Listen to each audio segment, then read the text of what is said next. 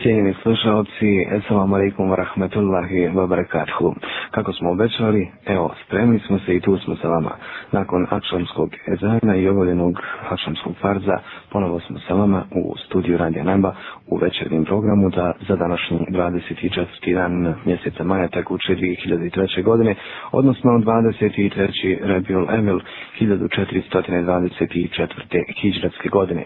Kako smo to već u najavi kazali, ranije ste imali prilike da čujete i malo čas u džinglu, dakle, koji je najavio ovu emisiju Svi kod Bošnjaka. Naš gost u studiju Hafiz Magistar Cenani Defendija Zajmović, koji će svakako odgovoriti na ova pitanja e, šta je to svoje vjerje, zbog čega dolazi, odakle potiče općenito definiciju svoje ali saznaćemo mnogo ovih detalja koje smo već imali prilike da poslušamo u ovom prethodnom nabrajanju. Na samom početku našem gostu, Hafiz Efendi, želim dobrodošli se i assalamu alaikum. Alaikum salam i hvala vam dobrodošli. Hafiz Efendija, ja ću samo kratko kako to i prethodi u ovim emisijama da pitam za uh, vaš rodni kraj, dakle za Tešanj, uh, odakle nam dolazite, kako je stanje nakon ove Allahove blagodati, je li krenulo sa povrćem, je li se priroda budi? Priroda se konstantno budi i hvala Allah Želešanuhu na ovoj kiši blagodarno je. Tešnjati vas selame i jedva čekaju da se signal radio na abe čuje i u tešnji.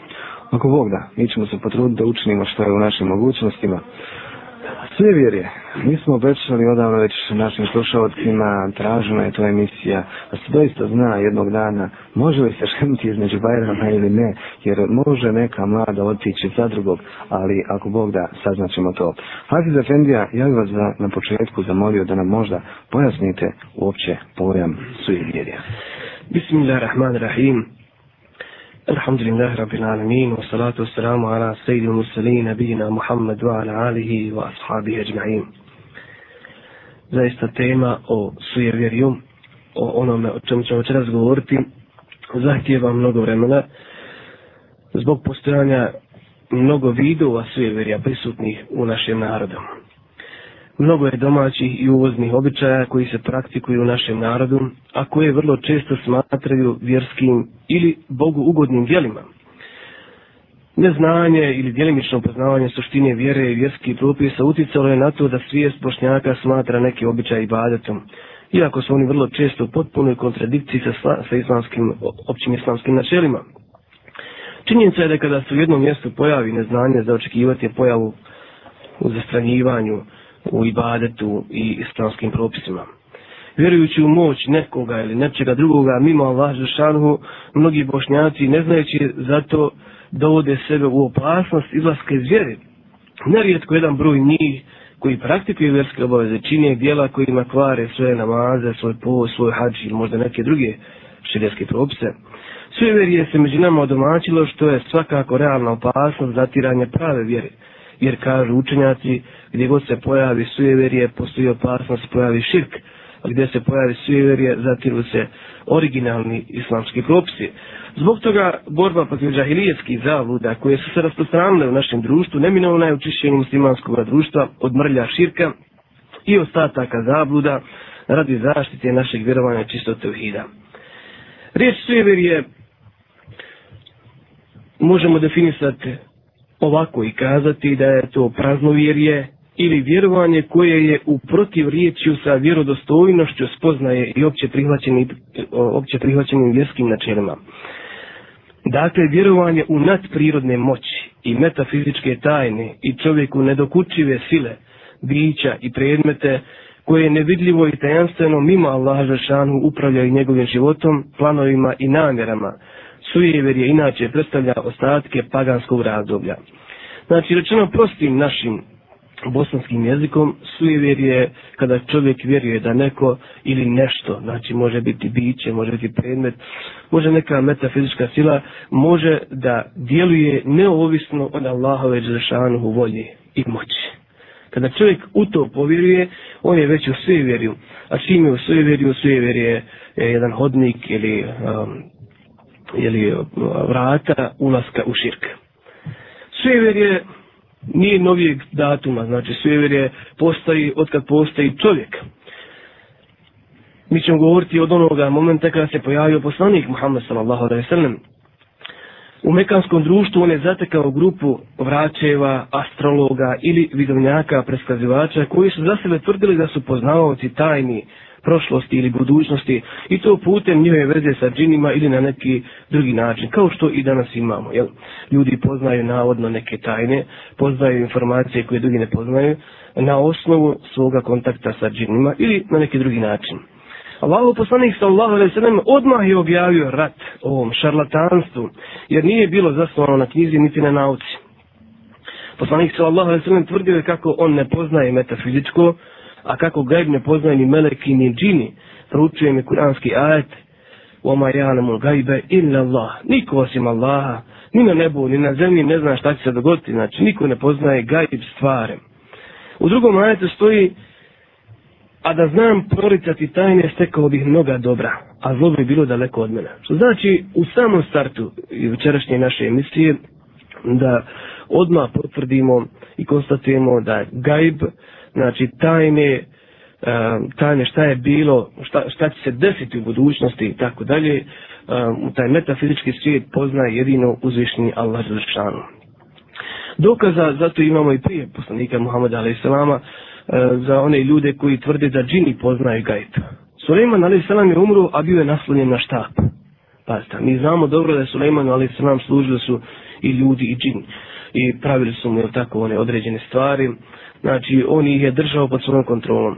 Međutim, kada je umro, bio je nastavljen na štap. I dokle god štap nije, e, jeli, istruhnuo, e, džini nisu saznali da je Suleiman a.s. umro. Po ovom se vidi da su oni znali da se znali gajb, jel, da se, on bi mogli pretpostaviti da će Suleiman ali nam toga toga momenta umrijeti i mogli su mu na vrijeme otkazati poslušnosti i tako dalje. Zato se u kuranskom ajatu kaže da su budućnost prozreti mogli, džini shvatiše da ne bi na muci sramno ostane. Dakle, kogod tvrdi da poznaje stvarni gajb, on je veliki lažo na lažu šanhu, na nauku i na stvarnost u kojoj mi živimo. Da, evo fascinantni podaci na samom početku koji nas vraćaju stvarnost, ali neminovno je da u našem društvu ljudi često dođu u dilemu da li ima šarijetsku podlogu ono što čine ili je to doista sujevjerje. Često sujevjerju daju i pridaju veliki i važan značaj. Jedan od tih o čemu ćemo ako Bog da govoriti kroz ovu emisiju jeste slučaj dženaza namaza kada se obavezno traži ibrik u porodici gdje bude e, slu, e, mejt, jel, u kontaktu sa Efendijom, obično pita, a gdje je Ibrik i šta je sa Ibrikom, hoće li ponijeti Ibrik. I tome se i takako pridaje velika važnost dok se mnoge stvari, farz, e, zanemaruje i tako dalje. Ali ako Bog da, to ćemo kroz našu emisiju govoriti i o tome zbog čega i kako. Hafiz Efendija, možda evo da krenemo jednim redom um, od sujevjerja e, među prvim i krupnim stvarima svakako jesu vraćanje i pravljenje sihira. Uh, to je kao jedan veliki početak. Ljudi kada obole, kada se nešto desi, e, ne da Bože, u porodici i tako dalje, onda traži dermana, traži lijeka. Ne pita gdje je, kako, kod koga, nego samo e, kako doći do njega. I onda su podložni tome, a opet to neki drugi zloupotrebljavaju. Znači da počnemo sa vraćanjem i pravljenjem sihra kao vidu sujevira kod pošnjaka. Vi ste dobro na početku rekli da ljudi su skloni da u nešto vjeruju. Znači, međutim, e, interesantno je da veliki broj naših ljudi vjeruje u ono u što ne bi smio i ne, i ne treba da vjeruje, a zapostavlja ovamo o, obavezne šarijaske propise, zapostavlja farzove. Znači, uglavnom je to ta grupa ljudi koji ili ne klanjaju ili ne postoje ili ne išli na hađe ili ne praktikuju druge šarijaske propise. Uglavnom, oni su skloni da vjeruju u u ovoj stvari koje ćemo mi večeras početi nabrajati. Znači, a samo sujevjer je dokaz da čovjek zaista u nešto mora vjerovati. I nema, jedan od najvećih dokaza da, da čovjek znači u nešto sigurno vjeruje. Pitanje je samo u šta i kako vjeruje. Kada čovjek koji je žedan ne nađe čistu vodu, on će piti i prlja u vodu kako bi zadovoljio svoj potrebu za vodom i kako bi ostao u životu. Sujevjeran čovjek je sličan žednom. Razlika je u tome što sujevjeran se i ne trudi pronaći čistu vjeru kao ženom čistu vodu, već uzima onu koja je u narodu poznata, jeli, bez selekcije, bez provjere i tako dalje. Kada bi sujevjeran postupio sa vjerom kao žedan sa vodom, našao bi čistu vjeru prije nego žedan čistu vodu. Zašto? Zato što je Allah Žešanu objavio nam čistu vjeru. Hvala Allah Žešanu da imamo islam koji je čist od svih oni mnogobož, mnogobožački neistina, laži, E, koje je poslanik Ali Srata Selam iščistio e, tokom svoje poslaničke misije. Zbog toga bi upućeni i učeni su svoju intelektualnu snagu trebali trošiti na putu vraćanja ljudi ispravno i čistoj vjeri. U ovom večerašnjem našem sjelu, o večerašnjoj emisiji, mi ćemo spomenuti nekoliko vidova sujevira prisutni u našem narodu, a počet ćemo sa onim što ste vi uh, spomenuli već u vašem pitanju. Jedan od najprisutnijih vidova sujevjerja kod naših naroda i najtežih jeste upravo sihr, jeste pravljenje sihra, jeste vraćanje i tako dalje. Vjerovanje vraćarima i sihirbazima je teški grijeh koji čovjeka može izvesti iz vjere. Poslanik Ali Istrata sam u jednom radisu rekao iz Crnibu seba mubi kad, klonite se sedam teških grijeha koji su to sedam teških grijeha? Među njima je i sihr, pravljenje sihra. A vidite, mi smo spomnjali u jednoj emisiji prošle godine, pretošle, ne znam, o, o sihru baš. I vidjeli smo koliko je to rasprostranjeno. Od te emisije prije dvije godine pa dan danas ljudi stalno pitaju, stalno zovu, znači da je to jako prisutno našem narodu. Sihirbaz je, i mi malo da se posjetimo neke stvari, osoba koja sarađuje sa šeitanima i džinima u nanošenju zla ljudima. Interes šeitana je da od sihrbaza i onih koji mu dolaze naprave idolo poklonika. Oni sarađuju na putu odvođenja ljudi u zavludu, koristeći pritome tuđu nevolju. Uglavnom se koristi nevolja, tuđa bolest, tuđa nesreća, tuđa neimaština, e, neko zlo koje je zadeslo čovjeka i na osnovu toga sihirbaz zarađuje novce, na osnovu toga džin nanosi ljudima štetu i odvodi ljude od pravoga istin, istinskog puta. Sihirbaz i vrać poznaje stvari koje obični svijet ne poznaje zahvaljujući džinu koji im se opštao ono što je vidio, sreo ili saznao, ali koje su to stvari koje sihirbaz poznaje?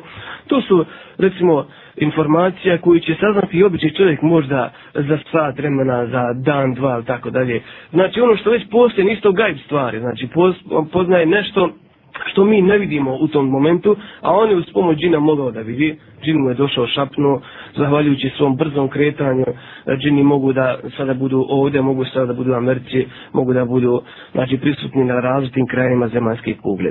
Džin se veoma brzo kreću, I njima to omogućava pristup informacijama do kojih obični čovjek ne može brzo doći. Kada mu dođe pacijent, sirba se u obmani služi upravo informacijama koje imaju pacijent nije saopćio, a koje on zna.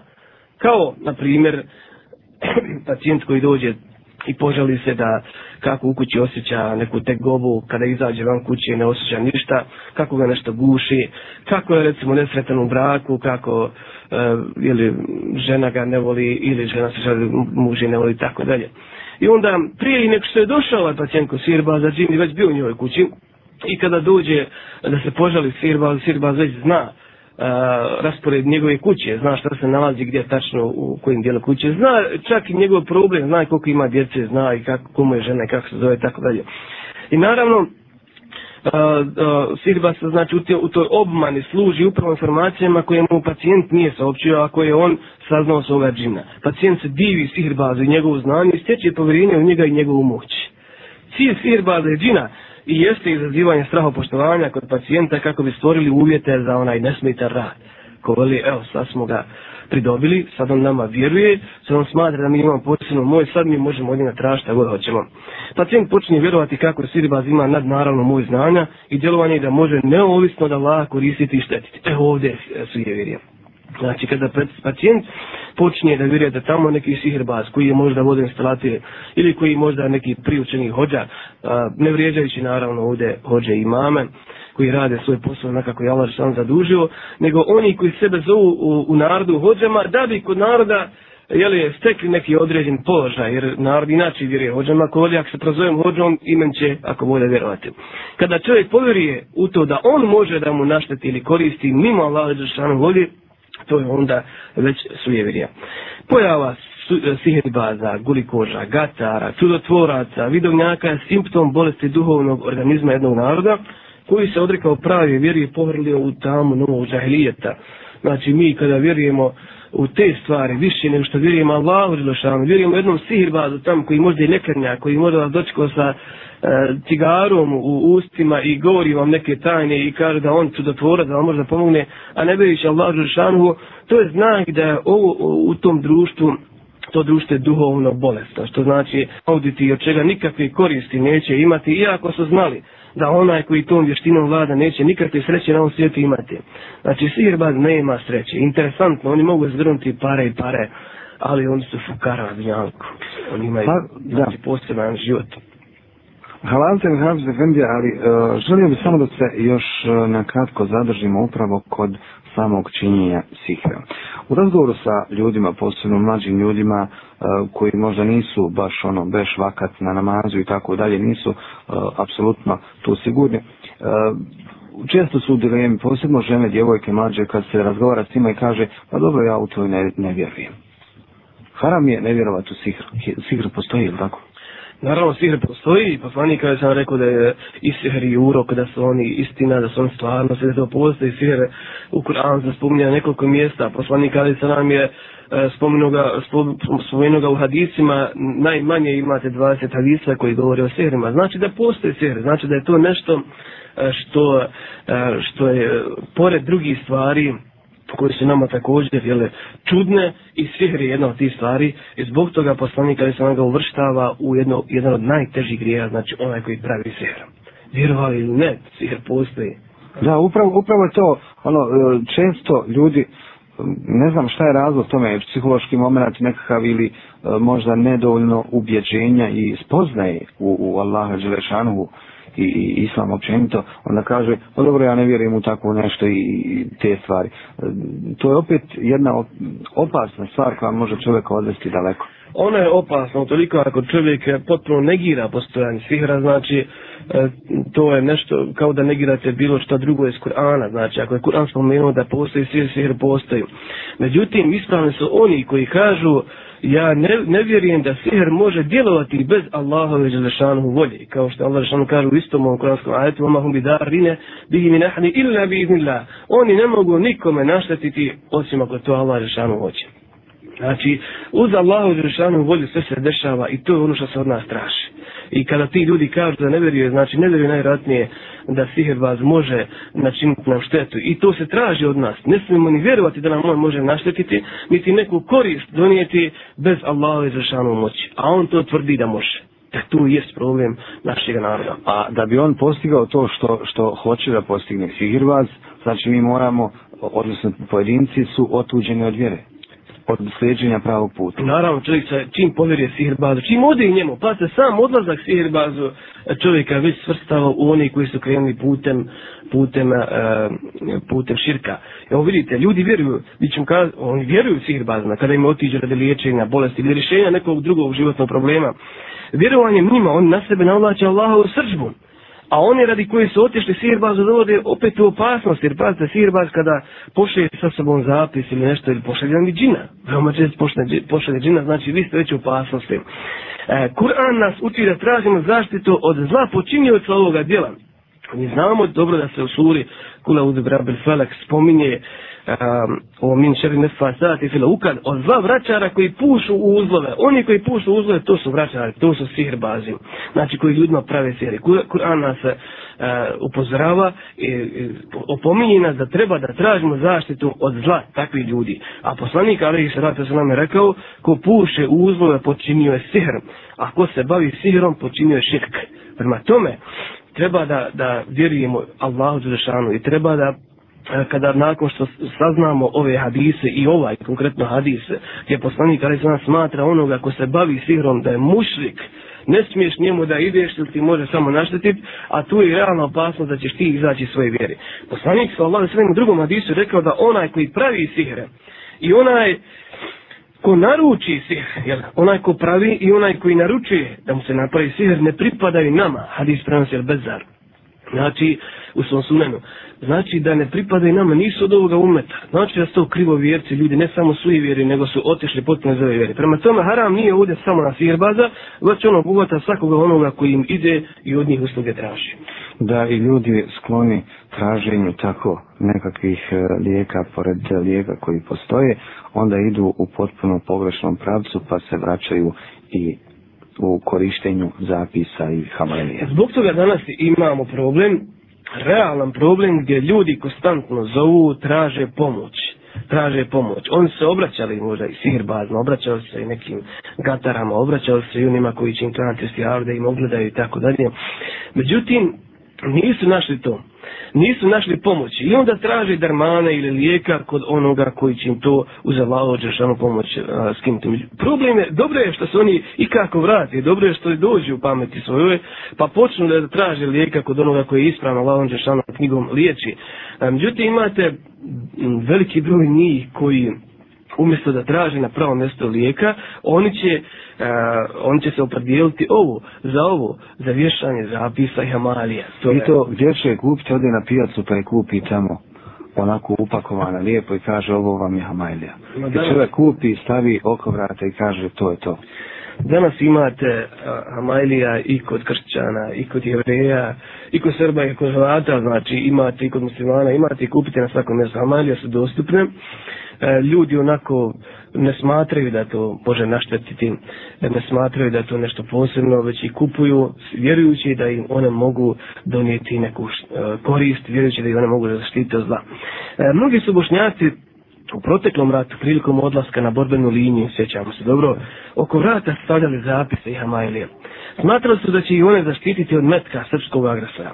Mnogi to i danas radi, su vjerujem da Hamajlije ili zapis obješen o vrat ili stavljen ispod miške pomaže liječenje od bolesti ili čuva od nje. Osim toga, i dan danas ima oni koji na vrata kuće ili na auto vješaju konjsku potkovicu smatrajući da će ih to spasiti propisane nesreće ili uroka. Paste. Šalatani iskoristavaju neznanje i svi vjeri masa i prave im zapise Hamailije. Nad njima izgovaraju zakljete tvrdeći da oni čuvaju od djelovanja džina, urokljiva oka, zavodnosti i tako dalje. Pravljenje Hamailija i prodaje već gotovih, kao što ste rekli na pijaci, i friško spravljeni unosan biznis. Unosan biznis i to što dobro primijetili brojni spravljači Hamailija. Mnogi preko veze, kad se radi o običnom narodu, oni preko veze žele da postignu zaštitu kažu Hamalija im e, mnogo manje košta, e, ne mora i klanjati, ne mora i postiti, niti druge vjerske dužnosti obavljati, jer tu je, kažu Hamailija, uvijek ona može zaštititi. Njima ne treba Allahova zaštite pored Hamailije. Mogu biti nemoralni i odlaziti tuđim ženama, jer navodno Hamailija će ih zaštititi od svega. A ako se desi i neka bolest ili nesreća, tu je opet Hamailija koji napravi neki pod navodnicima hođa, vidovnjak ili siherbazom. Muslimani bi jednom morao znati da vješanje školjčice ili perle kao amuleta ili čitanje zapisa s transtvenim oznakama radi zaštite ili lijeka predstavlja neznanje ili zabludu koji su u suprotnosti sa Allahovim zakonima o svemiru. Pogledajte nešto. Vjerovati e, da jedna potkovica vas može zaštititi pored Allaha Želešanu, jedna željeza, koma željeza, zaista je van svake pameti. Ili vjerovati da jedan končić obješan oko vrata vas može zaštititi od metka koji vam je Allah propisao ili možda nije propisao. Vjerovati da vas to upravo taj konas može zaštititi, to je zaista može samo čovjek koji ne poznaje svoju vjeru, čovjek čiji je na veoma niskom niskom stupnju, znači vjerovati takim nekim stvarticama, nekim relikvijama, da one imaju čudotvornu moć, pored Allah Žešanhu, to zaista nema nikakvog smisla niti osnove u islamu.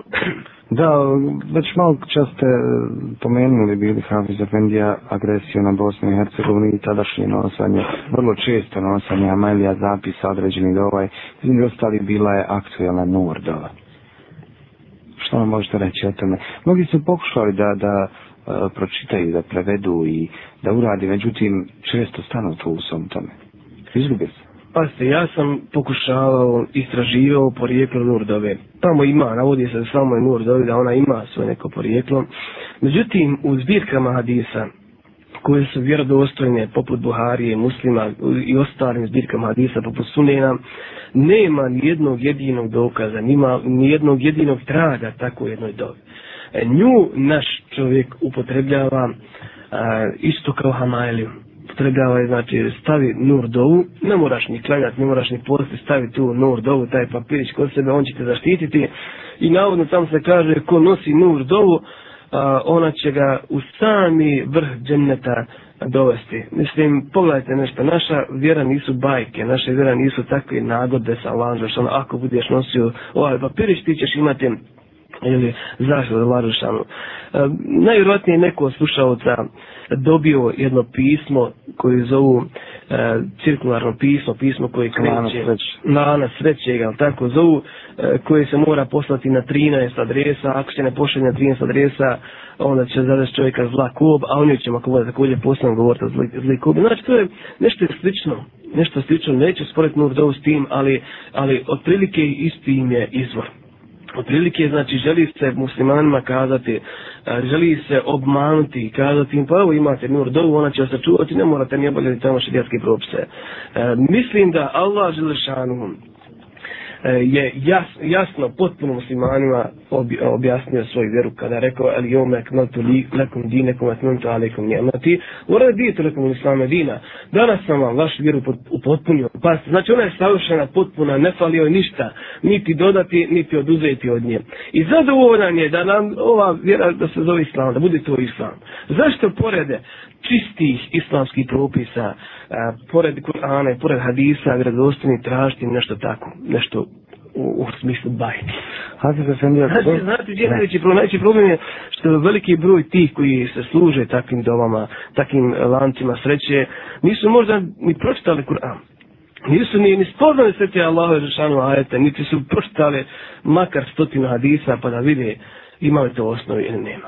Da. Ja, kada su već e, kod Nur dove i ovog pisanja, e, sad ovog trenutka mi na ovom pade da e, malim bebama u kolijevci, u bešici i tako dalje, često se na kapu stavlja zlatni privesak na kojem su povremeno ispisani harfovi. Kažu da se to zove mašava. Ima li to svoje temeljenje neko? Zlatni predmeti. Zla, da. Narubica, znači nešto od zlata na kome je ispisano harfovi zatim vješanje također crveni končića dijete oko vrata ili oko ruke e, ima u narodu poznato ima znači cilj da zaštiti to dijete od uroka ili eventualno neke bolesti ili da mu našteti džin ili šetan. To je slično ovome što sam malo prije spomenuli nema nikakve osnove crvena boja, čak šta više crvena boja je boja džina, jel mi? E, drugo, harfovi koji su, koji su ugravirani možda na tom zlatnom predmetu, imaju za cilj da obmanu čovjeka. Da kažu, vidite, tu su harfovi, znači to je nešto vrijedno, znaš. Ono može pisati bilo šta tamo, kao u horoskopu, araskom, do kojeg ćemo također doći.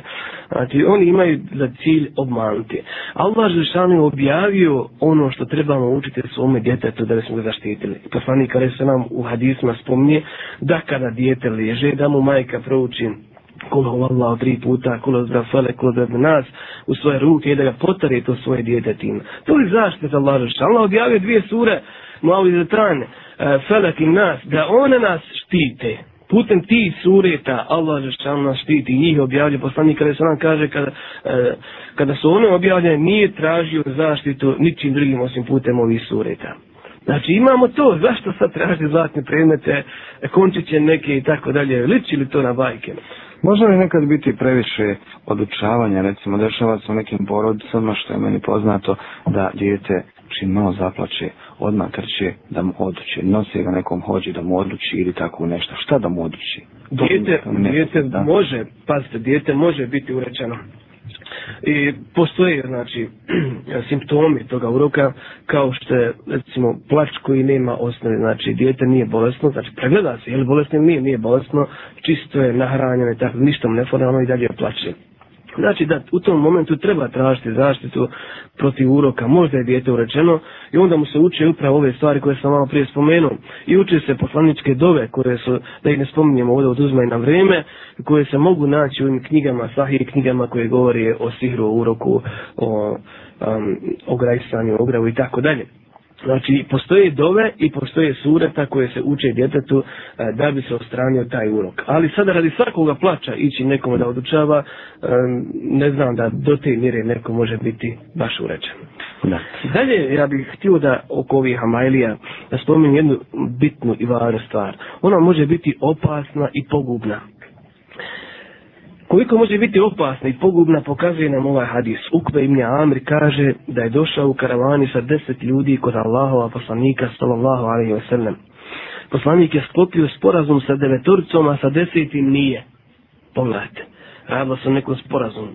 sa devet njih od deset je sklopio sporazum, a sa ovim nije. Naravno, to je bilo čudno ashabima, pa su pitali poslanika, ali se sam zbog čega ne sklopi sa njim sporazum. Poslanik, ali se kaže, na mišici mu je talisman, na mišici mu je. Čovjek je tada strgnuo zapis, pa je poslanik sa svojim sa njim sklopio sporazum, a potom rekao, ko objesi zapis hamaeliju počinio je širk poslanika je nam kaže. A u drugom jednom hadisu kaže, ko okači nešto, tome je i prepušten. Evo odgovora svima onima koji stavljaju neke hamajdije umjesto zaštite namaza, zaštite Kur'ana, zaštite zikra i tako dalje. Kaže, ko okači nešto, tome je i prepušten. Na nama je, znači, da izaberimo da li želimo Allahu ili neću drugu zaštitu. Uz Hamajliju veoma često pojedini sirbazi svežu džina. Da čuva Hamajliju, i da pazi kako bi ona uvijek bila djelotvorna. Nekad je džin zadužen i da lično čuva osobu koja nosi hamajliju. Jer u hamajliji stoji njemu naredba, znači sirbaz mu je tamo napisao naredbu da on mora biti e, s njom stalno i da pazi da ona, da ona djeluje na toga čovjeka kome je napravljena. Kada drugi džin pokuša čovjeku da naudi ili sihr donese, on mu se po naredbi svoga sirba suprostavi. Tada je među njima bitka. I zamislite sada čovjeka koji nosi Hamailiju ili dijete, pogotovo ne, ako dijete ne zna suprostaviti oko njega borba džina i tu stalno džini koji ga mogu uznemiravati i uznemiravaju ga, veoma često nas dijete probudi noći ovdje, um, mi, ono ne zna sebe da štiti, ali tu je majka, tu je otac da prouči tome djeta, a ne da mu stavi crveni končić ili neku Hamailiju ispod miške koji će ono nositi. Zbog toga poslanik sa sve kaže da je osoba koja okači, okači hamalju i njoj prepuštena upravo u tom i jeste opasna širka. Znači, hem nam može ovamo naštetiti i to, i to dobro naštetiti da čovjeka odvede potpuno srampucu. Hem čovjek vjeruje da to djeluje, da ga to spašava. Hem, recimo, mnogi vojnici u razgovoru sa njima saznam sam kažu, mene je spaslo ovo od smrti u rat. Znači. I on vjeruje da ga to spaslo. Znači da pored Allah Žešanu vjeruje da nešto drugo. Končić, pazite, Končić poredi sa Allah Žešanu. Ondašnji mušici su, čini se, bili e, ako je čovjek može kada nešto pozitivno o njima, makar su vjerovali u neke velike bogove, makar su vjerovali u kipu, nešto vidljivo, a ne končiće. Pogledajte, naš čovjek vjeruje da konac može da ga zaštiti od smrti ili nečega drugog. Da, a, već kad smo kod zapisa, onda je neizbježno da pređemo i na, na, na segment a, pisanja stopci. Za stopci. Pa, a, kada govorimo o zapisima, a, zapisi općenito su zabranjeni, nemaju svoje osnove u islamu, zato što u prvo vrijeme zapisi koji su bili poznati u vrijeme poslanika, ali sad salam, ono, e, njegovo vrijeme, vrijeme ashaba, radijallahu anuhum, bili su zapisi koji nisu sadržavali, e, znači, Kur'an, nisu sadržavali nikakve dove poslaničke, nego su sastavljeni od e, pisma koje poznaje džini ili koji poznaje eventualno taj sihrbaz. Znači neko pismo njima samo poznato i koje evo i dan danas kod nas kreće se u ovim, ovim savremenim zapisima koje naši bosanski sihrbazi, molim Allah što onda i uputi, uh, za, e, ili pišu. E, tako isto imate, i zap, imate zapis koji se piše stoci. Znači, treba otvoriti i vidjeti šta je to stoci napis. Ako je tamo zvijezda, ako je tamo trkutić, ako je tamo neki hieroglifi, e, taj zapis Allaha radi treba uništiti, spaliti i ukloniti ga da slučajno ne bi čovjek naišao na to mjesto, ne bude na to mjesto na kojem se nalazi zapis, znači treba ga skloniti na mjesto gdje kuda ljudi ne prolaze. Ono što stoci, naravno da se stoka može ureći, i stoka može oboliti, znači može uznemiriti džin, može uznemiriti sihar, znači njima se isto tako uči kao i ljudima, s tim da se njima uči na vodu koju piju ili na mito ili na hranu, znači koju jedu.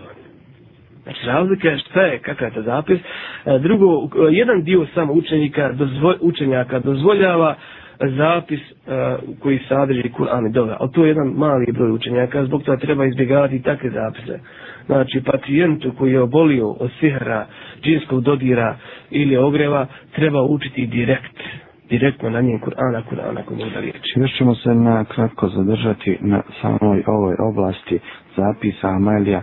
Svi oni koji, ako Bog da noćas poznaju, to je isto da im to više ne treba, da se kane toga, na koji način je to najbolje uništiti? Sve zapise koje imate u svojim kućama, ja vam sada pozivam vas, Allaha radi, ako želite sebi dobro, dobro svoje porodici, sve ih uništite, spalite ih, a onu pepelom, onu pepeo stavite, zakopajte u zemlju e, na mjesto kuda ljudi ne prolazi. Prilikom spaljivanja, prilikom uništavanja tih zapisa Hamailija, proučite uz bilde bisminu, zamolite Allah da onda vas zaštiti od zla te Hamailije. Neke Hamailije možda, neki zapisi možda neće do kraja izgoriti. Ima, ima, ima tu čudna stvar, jel, zbog čega neće da um, zato što umješana je ova druga strana dolete, ali to ne treba da zbunije, znači što god da ostane, vi to zakopajete u zemlju bisminatom i oslonite se samo na Allah Želšanu. Išli ste, svoju kuću, a ako ste bolesni, onda se obratite na pravu adresu, Allah Želšanu će vam dati pomoć. Inšallah. Evo, ovo je jasna uputa bila kada je u pitanju Amalije. A opet, da bi se došlo do Amalija, da bi neko dobio Uh, uputu kako, na koji način da, da napiše mu se kao, kut da je nosi u obašvi pod rukavom, pod miškom, za vratom ili tako dalje, znači on ode određenom sigirbazu ili gataru da mu otvori zvijezdu. On kad to sve to pročita, film mu kaže, e ti ćeš sokole moj, ovo i ovo, i nosit ćeš ovako. Ili ćeš potopiti u vodu pa ćeš piti. Otvaranje zvijezde, E, kako bi se poreklo, znači on proreklo ono što čeka čovjeka u budućnosti je veoma star zanat, također kao i Seher, kao i ovi zapisi Hamajlije, znači govorimo prvo o onim najstarijima, a koji se pazite, nešto i do dana današnjega zadržali, ne samo među muslimanima, nego među svim vjerama, konfesijima i tako dalje. Narod, e, one ljude koji otvaraju navodno zvijezde, zove hođama, iako oni sa hođalikom nemaju baš ništa. Ljudi bi išli kod tih hođa koji bi im otvorili kitab, koji je obično bio horoskop na arabskom jeziku. Hođa bi ga smatrala svetim i nadnaravnim, a ljudi bi o kitabima govorili sa strahopoštovanjem kao da se radi o objavi da nas Allah Žešan sačuva. I uglavnom to što stariji kitabi, ono, žuti, pocijepani, išarani, sva što na njoj imam, Um, I, e, znači, ljudi, su, ljudi koji dođu i posmatraju toga koji otvara taj kitab, I veoma često zna kitab sam sa otvara stranice, znate da to džin radi, a, poslušni džin tome e, hođi ili tome e, sigribazu, gataru, astrologu. Um, I narod dobije jedno, jedan vid strahopoštovanja i prema onom ko to radi i prema toj, e, tom kitabu hoće bi im saopštavali opće stvari koje se nalaze kod svih oni koji se rođeni u određenom dobu godine, ono poput, e, bit ćete sretni, očekuje vas sreća, očekuje vas put, put očekuje svako živoga, ili doživit ćete neki problem brzo, nema čovjeka da nema problema, znate, neke opće stvari i ljudi uvijek, e, ono, kažu, jes, pogodio mi i tako dalje. A kada bi im nešto i pogodili, tada bi pacijenti uzviknuli, čuj kako mi je pogodio, otkud on to zna, jesam ti rekao da je on dobar hođa. Znaš, I onda on će uputiti i mnoge druge kod toga hođe. To se zove eksploatisanje nauki od strane mudri, kako kaže jedan naš teolog. Odlazak kod ovih ljudi je isto kao odlazak kod vidovnjaka, kod bračara. Ovo su šarlatani koji imaju cilj materijalna dobit. Njih se treba kloniti Allaha radi kako čovjek ne bi otišao u kufr. Kako ne bi otišao u kufr.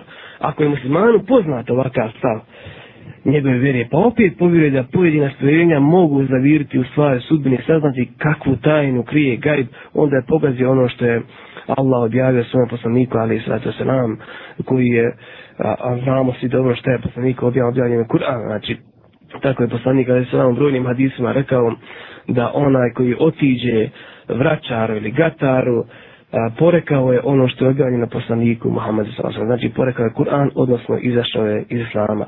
Učenja o sudbini su mnogo božačke, samo obmane. Planete i zvijezde su samo nebeska tijela, bez razuma, volje i osjećaja. Te planete i ne znaju za nas, one nisu živa bića koja mogu komunicirati s nama. Kako da, da naša sudbina bude vezana za određenu planetu? Planete i zvijezde su znači, Allahova žešanu stvorenja poslušna, one kao i sve, e, svi ostali fizički objekti ne mogu upravljati čovjekovim postupcima. Islam upozorava muslimane da se klone svih vidova tobožnjih preskazivanja, astrologije, sihra, spiritizma i tako dalje. Da. Hvala se, Fendija, hoćemo li napraviti jednu pauzu, poslušati lijepu ilahiju iz našeg studija, a potom ćemo nastaviti jer imamo još puno toga što bismo željeli saznati, a možda je prilika da pozovemo i naše slušalce, dakle, nakon jedne ilahije, da se uključe aktualno u kontakte sa nama putem telefona, čiji su brojevi 736-630 i 736-631. Dakle, prije no što čujemo slušalce, ide ilahija, pa ćemo onda nastaviti kontakt program i svakako saznati o još mnogo segmenta vezano za suje. Cijenjeni slušalci, vi pratite emisiju Oaza Imana, emisiju humanitarne organizacije Ibn Mubarek iz Tešnja. Tema je noćas svoje vjere kod Bošnjaka, naš gost je Hafiz, magistar Senajde Fendija Zajmović. Evo, saznali smo mnogo toga o Sihru, o Hamajdi, otvaranju zvijezda, svakako pred nama je horoskop i bosanski i arapski, o čemu ćemo znati, ali evo prilike za naše slušalce Hafiz Efendija, ako se slažete, da poslušamo ako imamo neku na liniji. Halo? Halo? Evo, neko nije imao strpljenja. Druga linija, halo? Čujemo se? Ne. Dobro. Dakle, cijenjeni slušalci, vas očekujemo. U Bujru možete aktivno uzeti učešće putem naših telefona, čiji su brojevi 736-630 i 736-631, pozivni za Zedu kantoni Visokog gdje je studio Radio Nemba je 032 ili za Bosnu i Hercegovinu 00387. Mi vas očekujemo u ovoj emisiji Oaze Imana. Evo nekoga sad imamo. Halo. Salam alaikum. Alaikum salam. Vi zovete iz... Iz Hadžića. Iz Hadžića. Bujrom. Ja bi samo postavila pitanje, e, ja mislim da je sve u skladu ovaj, sa ovom temom. E, što se tiče zaštite učenja djetetu, da li može žena kad je u hajzu ili nifasu da uči? Samo toliko. Aha. Salam Hvala alaikum. lijepo. Alaikum salam. I druga linija. Halo. Halo. Nemamo nikog na toj liniji. Dobro. Šta je tu? Hafiz Efendi. Evo imamo ponovo. Ernest je vrlo aktivan. Halo. Assalamu alaikum. Alaikum salam. Bujrom. Put iz Sarajeva. Iz Sarajeva, ja? Znači, također jedno pitanje vezano za novorođenčad Mhm. na u djeci. Ovaj, šta znam, u narod postoji dosta toga vezano za četiresnicu, naravno da je dosta toga neke novotarije i garke i tako to. O, Interesuje me u vezi izlaska sa malim djetetom vani. Ti baš u prvi, recimo, par sedmica u 40 dana, koliko je preporučivo i je li uopšte dijete više podložno, recimo, u rokljivom oku, je to samo vezano za psihičkog zdravlja, možda nije preporučivo. Mhm. E, to ste. Assalamu alaikum. Salam. Hvala lijepo. Halo. Halo. Salam alaikum. Alaikum salam. Vi zovete iz... Zovem iz Kaknja. Da, Bujrom. A, molim vas, ja sam se kasno uključila, nisam baš dobro razumela. Jel nije dobro nositi hamalju za se da po, ponovite to? Aha. Jer kupila sam sinu hamalju i nosi je A gdje ste je kupili? na Mevludu. Na me lud. Je, I ona, ona opšivena onim kožnim futrolom, a ne znate šta je unutra. ne znam, Možda je neko napisao da vas, ne daj Bože, ubiju ili nešto. ne znam. I to je za vas, jel de? Zaštita. Hvala vam lijepo. Dobit ćete odgovor. Hvala vam, ostanite uz program Radio Namo. Evo još jedan poziv, onda ćemo krenuti sa odgovorima. Halo? Čujemo se? Halo, sljedeća linija? Halo? Alo, Da? e, ja nemam vremena dugo, još nisam baš sam klanjala, sad sam malo prije došla. Čula sam za ono za grah. Ja vas prvo selam im recimo dakle zovete. O Sarajeva, Mhm. selam alika. Alaikum selam. Sam rekla, Niste ništa kratko, recite vam pitanje. ja, za grah, je li grije u grah gledat? Stvarno ćete odgovor, ostanite Ma program. nisam. Kasnije ćete da dobiti odgovor, ne možemo preko reda, imamo već pitanja.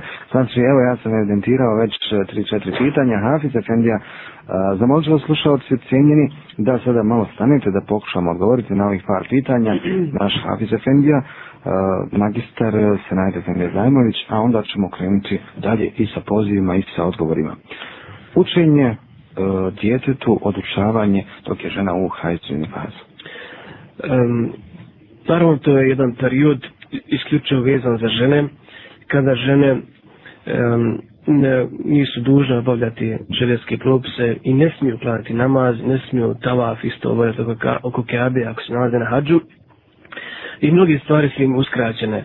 E, međutim, iščitavajući kuranske ajete, iščitavajući hadise poslanika ali sram na ovu temu baš neki dan, došao sam do zaključka da islamski pravnici prioritetni mišljenje smatraju da žena ipak u tom periodu može učiti e, Kur'an ako se boji zaborava, Znači, ako se, ako je hafiza, ako ne učaš se na pamet, pa boji se da će u tih 7 do 10 dana, ovisno kod koga koliko traje ta menstruacija, ako se boji zaborava, može da uči Kur'an, ali ali na pamet i ne dodirivajući mushaf.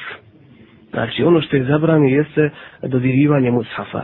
Smije učiti Kur'an na pamet. Isto tako dozvoljava se i onima koji polažu ispite, bilo to u medresama, bilo to na fakultetu islamskih nauka ili e, na pedagoškim akademijama, da ukoliko treba da polažu ispita, one su u stanju menstruacije, da mogu da uče Kur'an na pamet, znači ne dodirivanjem ushafa.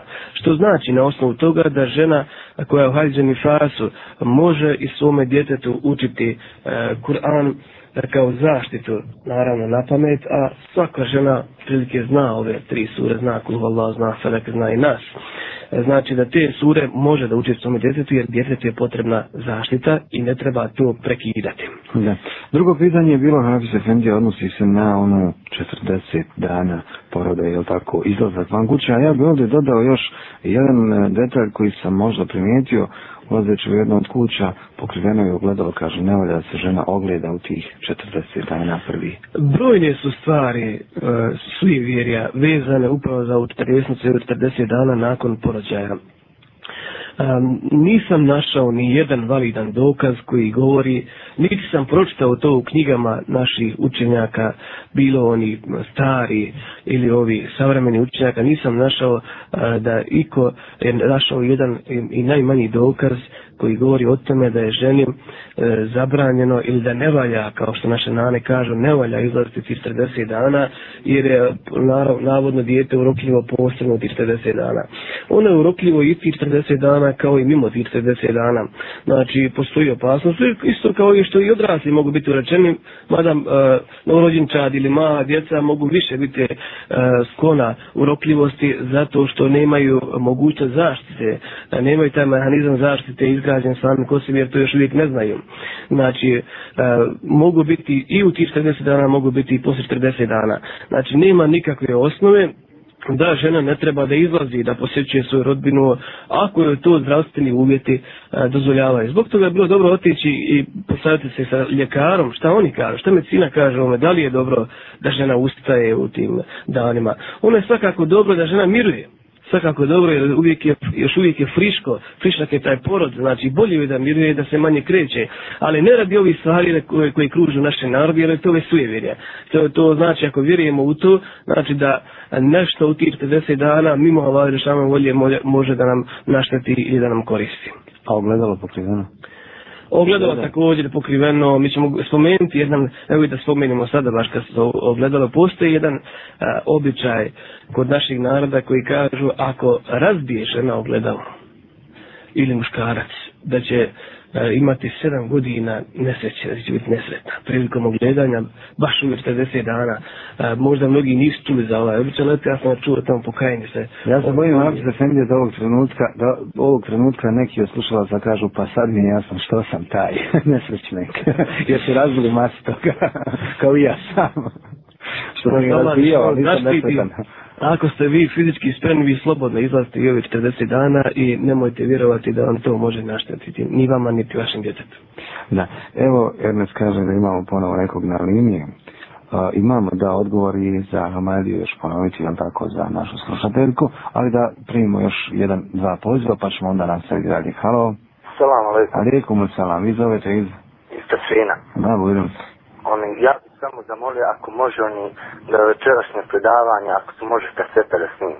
Nije problem, vi pozovite u ponedeljak na telefon 735-495 i dobit ćete informacije više. Hvala vam lijepo. Halo. Ja, salam alaikum. Alaikum salam, vi zovete iz?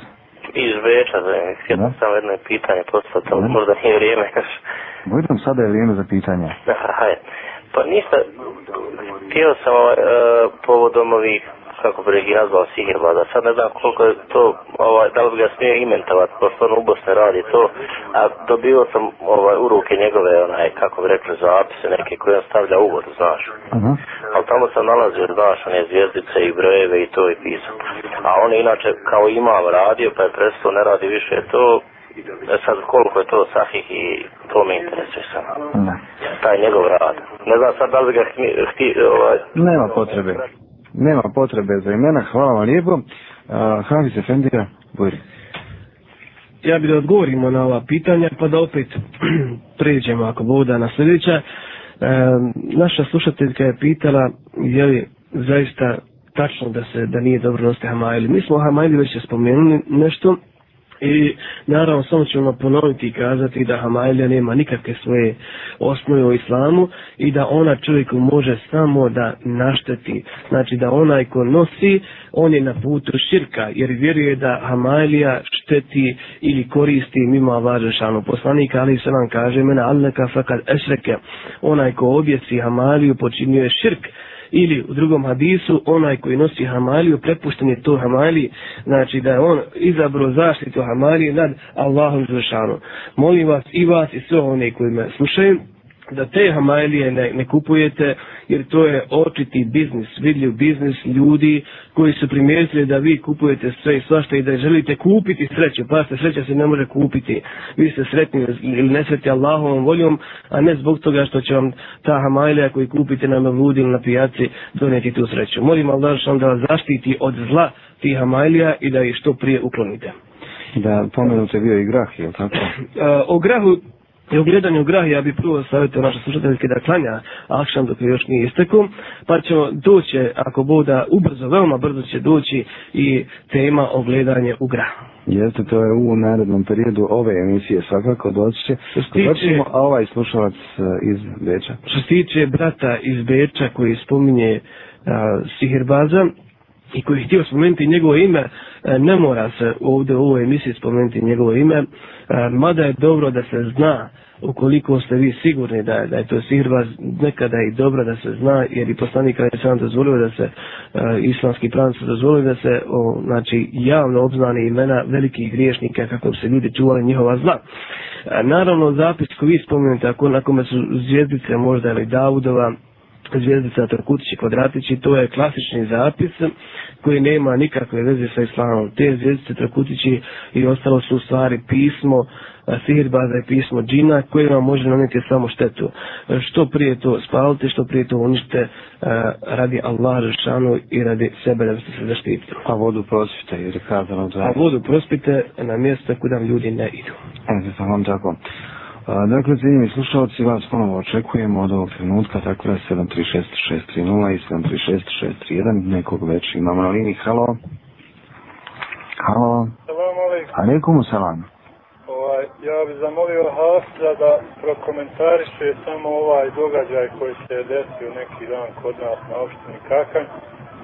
I I to bi imao to gdje i u kakvim knjigama otkle to moglo biti, pa to dok narod na, radi kod nas nije sigurno izmislio sam od sebe.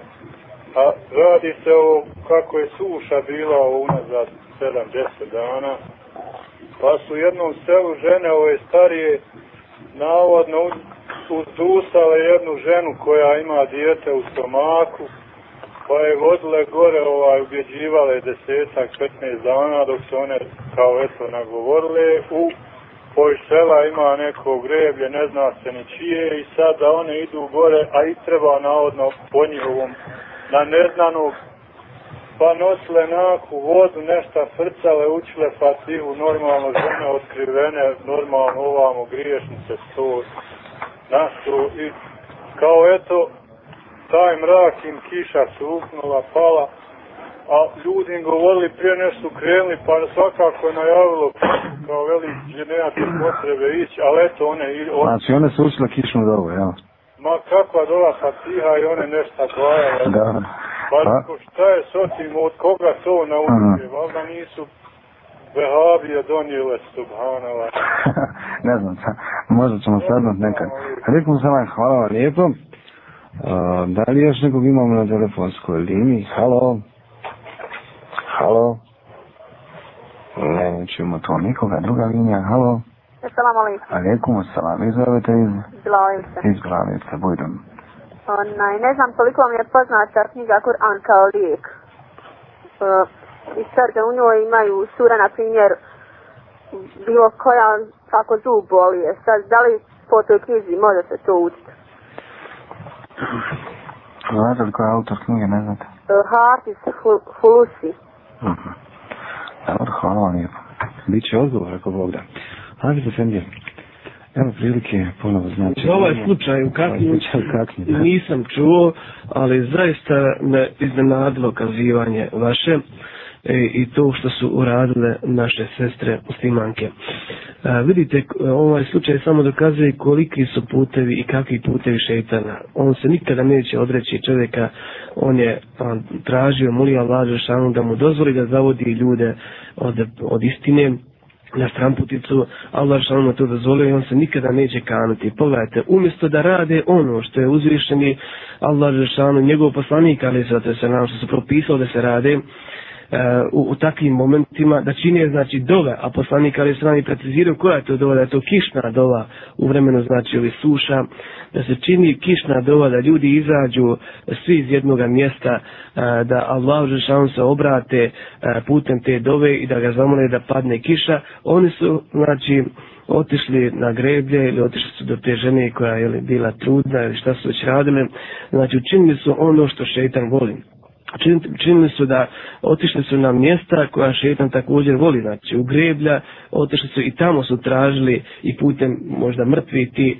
da im Allah samo pošalje kišu. I pogledajte, Allah je poslao kišu, on ne radi njih ne radi mi, Allah je poslao, mi ne znamo zbog čega, da li je neko činio kišnu dovu ili nije, ali Allah je svoje milosti prema nama ili svoje milosti prema hajvanima, prema životinjama poslao tu kišu. Ne radi toga i sigurno i minimum posto nije poslao radi te žene ili radi tih žena, pogotovo ako su one tako otkrivene išle, one su jednostavno tu udovoljile samo šetanu. Molim Allah šanu da, da musliman se kane takvih dijela, a da čini ono što je propisano da se radi. Znači ako je suša, ako je kiša, ako smo u teškom stanju, činimo dove i obraćajmo se onome ko nam može te dove ispuniti, a to je uzvišen gospodar cetova, a ne onome ko je mrtav i ko nam ne može niti koristiti, niti na ulicu. Hafiz Efendija, dozvolite mi samo još kada smo već kod e, dove, kišne dove i tako dalje. E, kažu ljudi da ta, u tom trenutku neki okreću kontra ruke ovako, kad dole prste, umjesto da dignu ruke lijepo prema jel, učeći fatihu, odnosno dovu, a minajući tako dalje kako obično to radi u namazu, u toj slučaju kišne dove drže kontra prste kad dole, da. kao simulirajući padanje ili nešto. Da, ima predaja od poslanika, ali sve onda treba izvratiti odjeću. Zaista postoji jedna takva predaja, znači treba izvratiti odjeću prilikom činjenja te takve te dove ali ne vjerovati, znači okrenuti prste i vjerovati da, da to simboliše kiš, nego zato što je to poslanik, ali se nam rekao da se tako radi. Znači nije sporo da se to učini Nije sporo za odjeću, za, za ruke, to, to već ne znam. Da. Dova za zbobolju naše slušateljke. Naša slušateljka je spomenula knjigu Kur'an kao lijek, ta knjiga postoji, čuo sam za nju, nisam je čitao, ali sam čuo da tamo svaka sura je za nešto pa svaka sura znači ima e, neko, neko, neki svoj onaj recept za neku od naših bolesti. E, mi znamo da je gospodar sve to objavio kuranski ajat u kojem kaže nezlu minel Kur'an ma huwa šifa wa rahman lil mu'minin. E, Kur'an, mi u Kur'anu objavljamo ono što je lijek. Znači u Kur'anu ima lijeka. Ali u Kur'anu, niti u hadisu poslanika, ali sa nam nije precizirano koja je sura za određenu bolest. Koji je kur'anski aj za određenu bolest. Znači, došao je općenito, znači da je Kur'an sav lijek. Kur'an je sav lijeka, ali kad se radi o zubobolji, to je već bolest e, koju medicina liječi, to je bolest koju liječi e, vađenje zuba ili, ili tableta ili ne, nešto drugo, znate. E, Kur'anom mogu se liječiti fizičke bolesti prema hadisama poslanika sa sasram, ali Kur'an prije svega za one bolesti koje su slične Kur'anu, to jest Kur'an je duhovna riječ, Allahova riječ, za bolesti koje su duhovne prirode, a ne materijalne. Ela bi zikri laj tatmenju kulub, učenjem Kur'ana, zikrom, spominjanjem Allah Žešanuhu, duše se smiruju. Da. Evo, ne da nam se još da pređemo na čitanje horoskopa bosanski i arabski. Imamo ponovo sa slušalcima. Halo. Assalamu alaikum. Alaikum assalam. Zovem iz Sadovaca kod Viteza.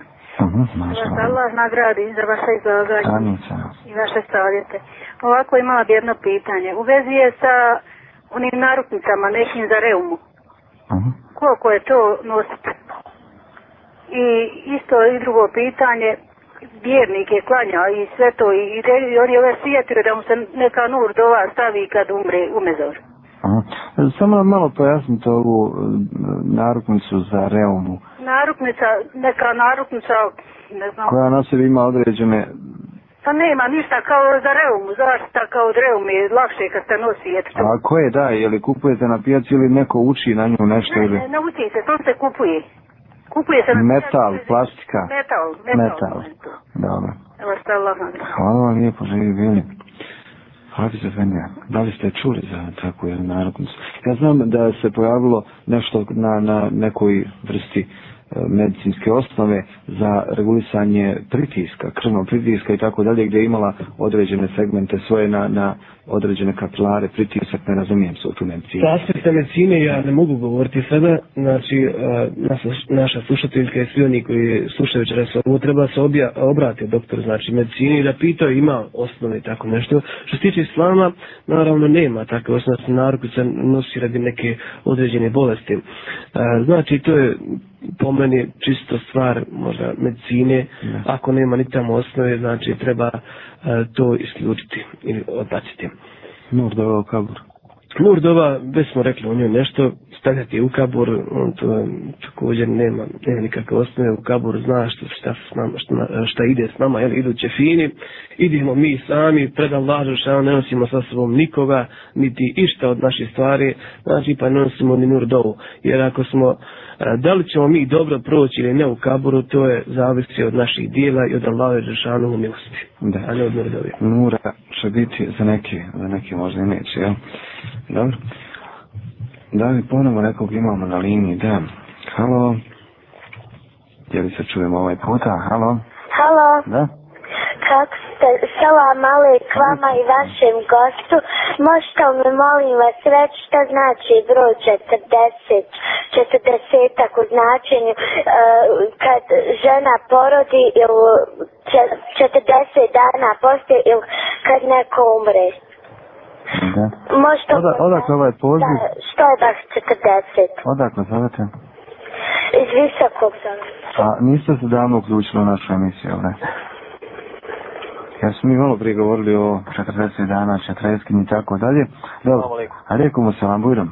Ja bi, uh, poziv svojnici. Naša, bujrom. Ja bi imao jedno pitanje u vezi samog liječenja.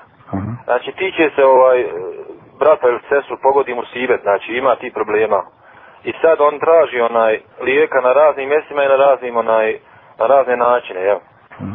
I ovaj, sad neki ljudi koji, koji za sebe govore da, da liječi onaj Kur'anom i sunnetom, onaj, pravi od toga biznis, uzmaju veliki novac, pored svih ti musibeta, znači, koji pogode e, tog čovjeka, znači, tu, tu, tu ženu. Znači, da nam Hafiz malo prokomentariše, ovaj, jer tu se radi o, o basnoslovnim sumama, znači, o velikim sumama novca. I još jedan, ovaj, komentar ovako, nedavno sam čutio jednog šeha našeg na predavanju, i on kaže, ovaj, knjige ove što su prevedene, na bosanski jezik, e, razgovor sa džinom muslimanom, veza između Bermudskog, Trovuga, Deđale, tako dalje, od onog pisa, uh, Isa Dauda, ne znam da se sjećate. Mm -hmm. I on kaže da, da su te knjige, znači, ovaj, uh, haram za čitat uh, pripadnicima Sunneta Verođemata. Jer kaže, ovaj, to je pusta laž. Takav razgovor s džinom, takve, takva dešavanja, tako, mislim, ko je čitao te knjige, zna malo da ima tu dosta bajki. Pa da nam išao Hafiz to prokomentariše. Salamu alaikum. Rekao sam vam, hvala vam lijepo. Novo linija, još jedan, još jedan poziv, pa ćemo onda krenuti. Halo, alaikum alaikum salam. Ponovo sam ja izveš. Ne? Ovaj, ja ne znam kako, mislim, htio bi uh, brata Halsa zapitat, ovaj, pošto većina ovih ljudi koji sebe nazivaju hođama i šta ja znam, oni nose epitet hođe i mama, jel? Da li postoji, ako ne može ovako da im se zabrani, da li postoji putem rijaseta da se zabrani ljudima taj rad, da oni, da, ne znam mislim kako da to prokomentarišem, ali ovaj, pošto oni svi sebe nazivaju hođama. Uh -huh. Znači da, da, da rijase stavi da se ne bi na, na, na, na ljagala braća ona stvarno one hođe i mame koji rade na, koji su na pravom puti koji rade ime Laha Đelešana. Sad da ćemo pomoći. Hvala vam lijepo. Allah, salam. Rekom od sam živi bili. Evo cijenjeni slušalci sada je prilika da krenemo u odgovore jer imamo dosta pitanja.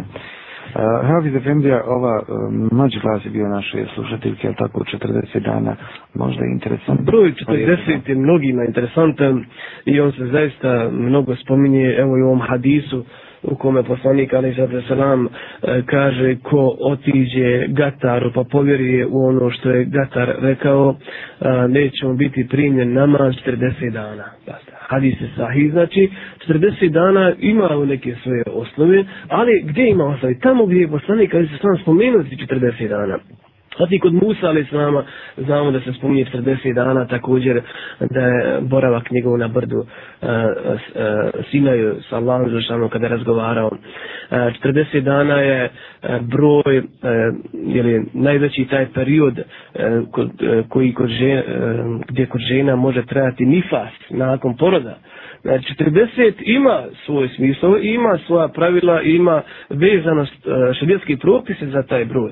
Ali e, mi, e, naš odnos prema broju 40 nije obavijen tajnama, nije obavijen nekim misterijama. Znači, prihvatamo gdje god se spominje broj 40, na osnovu sahih hadisa, na osnovu kuranskih ajeta. I tako ga i posmatramo. Ako je Allah što spomenuo 40 dana da je Musa a.s. se bio boravio na brdu, ako je poslanik a.s. nam spomenuo 40 dana neće biti primljen namaz, znači prihvatamo to. Sad praviti neka čuda od tih 40 dana, da ona ima neku posebnu a, svoju, a, svoja značenja, poput e, četiresnice, recimo, koja je kao kod kršćana, da zna se da od njih preuzeta i zna se da oni imaju mislu zadušnicu nakon 40 dana i zna se da po njihovom vjerovanju duša 40 dana dolazi e, do e, u kuću, e, posjećuje porodcu umrloga i tako dalje. To već nema osnove islamu. Znači, tamo gdje ima osnove broj 40, prihvatamo ga onako kako je navedeno u Koranu ili sunetu poslanika, ali tamo gdje ima nekakve osnove, to odbacujemo Allaha radi kao ispravni sljedbenici sunneta poslanika ali sad se. Da, mislim da je to sasvim dovoljno za ovaj dio od 40 dana, a posebno ćemo govoriti i o ostavljanju čaše vode 40 dana i tako dalje. To je jedan od segmenta kroz ovu emisiju o kojoj ćemo saznati više. Novac, basnoslovne sume za liječenje.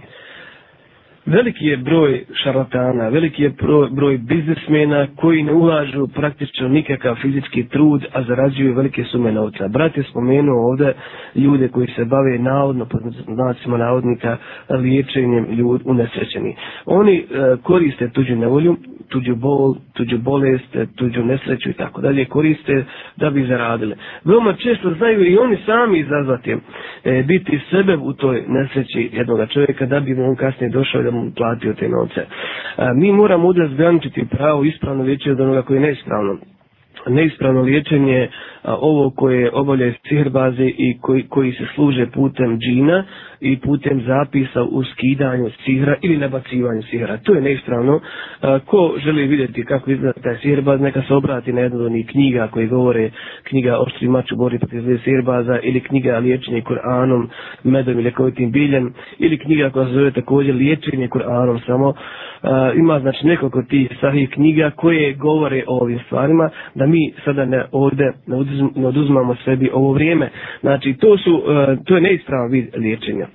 Ispravan vid je uh, liječenja putem Kur'ana putem dova poslanika ali sad se nam gdje znači onaj koji liječi moli Allaha da on dadne lijek jer Allah je taj koji daje lijek ne daje čovjek Znači, i onaj koji tako postupa, on ispravno liječi. I liječi Kur'anom, nema tu ni zapisa, nema tu uh, nekih uh, čudnih uh, stvari, niti čudnih radnji, nego jednostavno samo putem Kur'ana i putem dova. Naravno, knjiga, da? Ehm, naravno, to je ovaj eh, biznis u koji su mnogi otišli je za svaku osudu. Međutim, eh, ako ljudi stvara često puta nedomoći to što ovi koji ispravno liječe znaju uzeti nekada. Uh, njima je dozvoljeno da uzmu, znate, ali nije dozvoljeno sada od toga praviti biznis ljudima. Kogo, ko, u koga se to pretvori u biznis, uh, to je već uh, osoba koja nema iskrije namire i koja ne liječi ljude radi Allaha nego radi toga novca. Njima je svakako dozvoljeno po hadisu poslanika, ali se nam dozvoljeno da uzmu, ali nije dozvoljeno da to pretvaraju u biznise. Kad se radi o komentaru na knjige ode Isa Davuda, e, čuo sam za neke knjige, istina nisam čitao te knjige, e, razgovor sa džinom muslimanom, je knjiga gdje je oboljen razgovor između čovjeka i džina, kontakt može se uspostaviti sa džinom, znači džini mogu da nam saopšte neke stvari, međutim, džini su skloni lažima, E, prevarama, intrigama i tako da ne može se sve e, prihvatiti od njih ono što oni govore. E, ne možemo znati šta je istina, šta ne istina. Mi smo kadri, mi napraviti jednu određenu selekciju. Zbog toga, znači, ja mogu kazati da ta knjiga treba čitati sa određenom rezervom.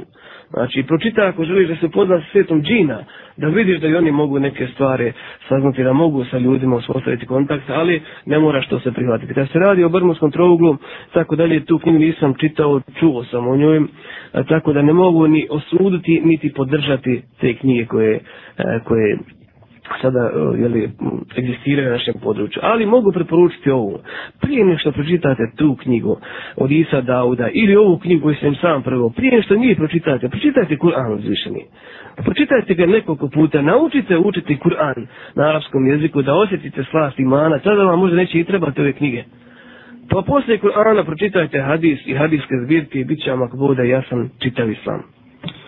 E, oformit komisiju pri rijasetu koja bi proganjala ili zabranila rad sihirbaz? Zaista ovo je pitanje koje nam je već nekoliko puta počivano i putem interneta i putem novina i putem emisija ovim. Molim Allah Žešanu da to pitanje bude upućeno na pravu adresu. Mi ovdje nismo kadri odgovoriti na ovo pitanje jer ne imamo znači tu kompetenciju, tu moć da mi nekome zabranimo ili dozvolimo da se bavi ti radom, a oni koji to mogu i koji bi trebali, koji bi trebali, e, ako ne radi čega drugoga, ono radi ugleda te naše institucije koja se zove Islamska zajednica, koju svi volimo, koju svi poštujemo, koju, e, koju želimo svako dobro, znači treba oni radi svoga imidža u našem narodu, i svoga dobroga ugleda, da se malo pozabave tim ljudima, da vide koji to ljudi e, iskorištavaju nesreće našeg naroda, koji to ljudi e, iskorištavaju imamski poziv, pa ste, ono, iskoristi imamski poziv je e, jednostavno džamija im je pokriće, znači, taj rad im je pokriće za one radnje e, koji nisu dozvoljene šarijatom. A vi ćete, veoma često ćete susreti, susreti i saznati za one koji su poput ovoga, kako reče brat iz Beča, i napustili taj posao, a opredijelili se za ovaj posao, vam zašto? Zato što je vamo veći biznis. Znači, vam je veća para nego jedna platica od 500-600 maraka u islamskoj zajednici. Da. Hafiz Efendija, da li idemo dalje u kontakte sa slušalcima? Da. Halo? Assalamu alaikum. Alaikum assalam. E, zovem iz Sarajeva, zanima me samo jedno pitanje. U stvari smatram jednog hadisa. E, moj muž neće da se obrati, mada mislim da ima problema sa sitrom.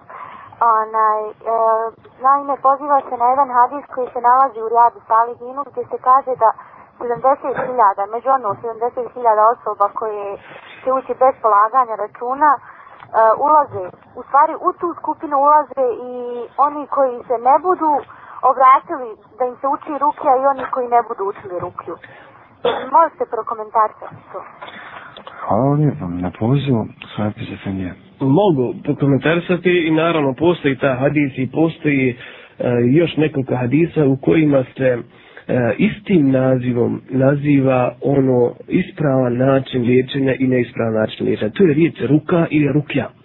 Postoji e, ruka ili rukja e, ona koja ima svoju osnovu u Koranu i sunnetu poslanika ali nam, a postoji ona koja nema. E, to što se zovu istim imenom ne treba da vas bunjuje, ne treba da sad zbog toga čovjeka koji nije shvatio kako treba ovaj hadis, odustaje od liječenja. Znači, poslanik ali sam spominje rukju uh, Eh, u jednom kontekstu kada kaže da su da među 40.000 ljudi koji neće ući u dženetije i oni koji jeli, eh, liječe se putem zapisa. U ovom kontekstu ruke je spomenuta u kontekstu zapisa, onoga zapisa koje sam njemu prije objasnila, to je na neispravan vid liječenja. Eh, znači, gdje postoji stvari koje čovjeka mogu odvesti u širk, gdje postoje stvari koje čovjeka dovode do, do ubjeđenja da je džin taj koji liječi, odnosno sihirbaz. To treba odbaciti i to je ono što zbunije. Istim nazivom, samo u drugom hadisu, poslanik kada se vam kaže e, Rku ili Reku svoga brata, e, e, liječite, proučite ruki u svome bratu. I onda je ta ruka spomenuta. U ruke najčešće ulaze sljedeći kuranski ajati Fatiha, Fatihom je liječio onaj ashab poglavicu onoga plemena koji je ubio, ujo škorpion. Znači, rukijom je liječa, rukija je treba država fatiju. Zatim se spominje da u ruki ulazi Atel Kursija, Kulhu Vallah, fele, Zbrafele, Kulhu Zbrabnas i tako dalje. Znači, stvar je o tom, u tome i ono što uh, dilemu kod vas izaziva, jeste samo što je isti termin upotrebljen za dvije različite stvari. Isto kao što je riječ liječnik upotrebljena za ispravnog i neispravnog liječnika. Znači vi se uvijek opredijelite za ispravnu rukiju, odnosno za ispravnog liječnika. Evo prilike da nastavimo dalje. Hafiz Efendija, trenutno nemamo nikog na telefonskoj liniji, znači da je došlo na red da saznamo nešto više o čitanju horoskopa. Imamo bosanske horoskope, imamo horoskope susjednih zemalja, u dnevnim časopisima imamo arapske horoskope, imamo putem medija razni elektronski ili štampani i tako dalje. Šta zapravo oni nama poručuju, šta nam govore i imamo li mi uopšte uh, pravo ili imamo li mogućnosti čitanja i saznavanja i uzeti ono kao vjerodostojno, bar sa nekom dozom što je napisano. Smijemo li čitati horoskop? Vidite koliko mi danas tvrdimo za sebe da smo mi napredna civilizacija. Tvrdimo da smo otišli daleko u znanju, kulturi, u obrazovanju, da smo postali aman uh, E, civilizacija koju nije ravna ni jedna druga civilizacija. A u isto vrijeme vjerujemo lančićima, vjerujemo krpicama, vjerujemo potkovicama, vjerujemo horoskopima, položaju tamo nekoga uh, ovna, raka, bika, lava i tako ribe. I svi smo se pretvorili u te životinje, te ribe, lavove, rakove i tako dalje.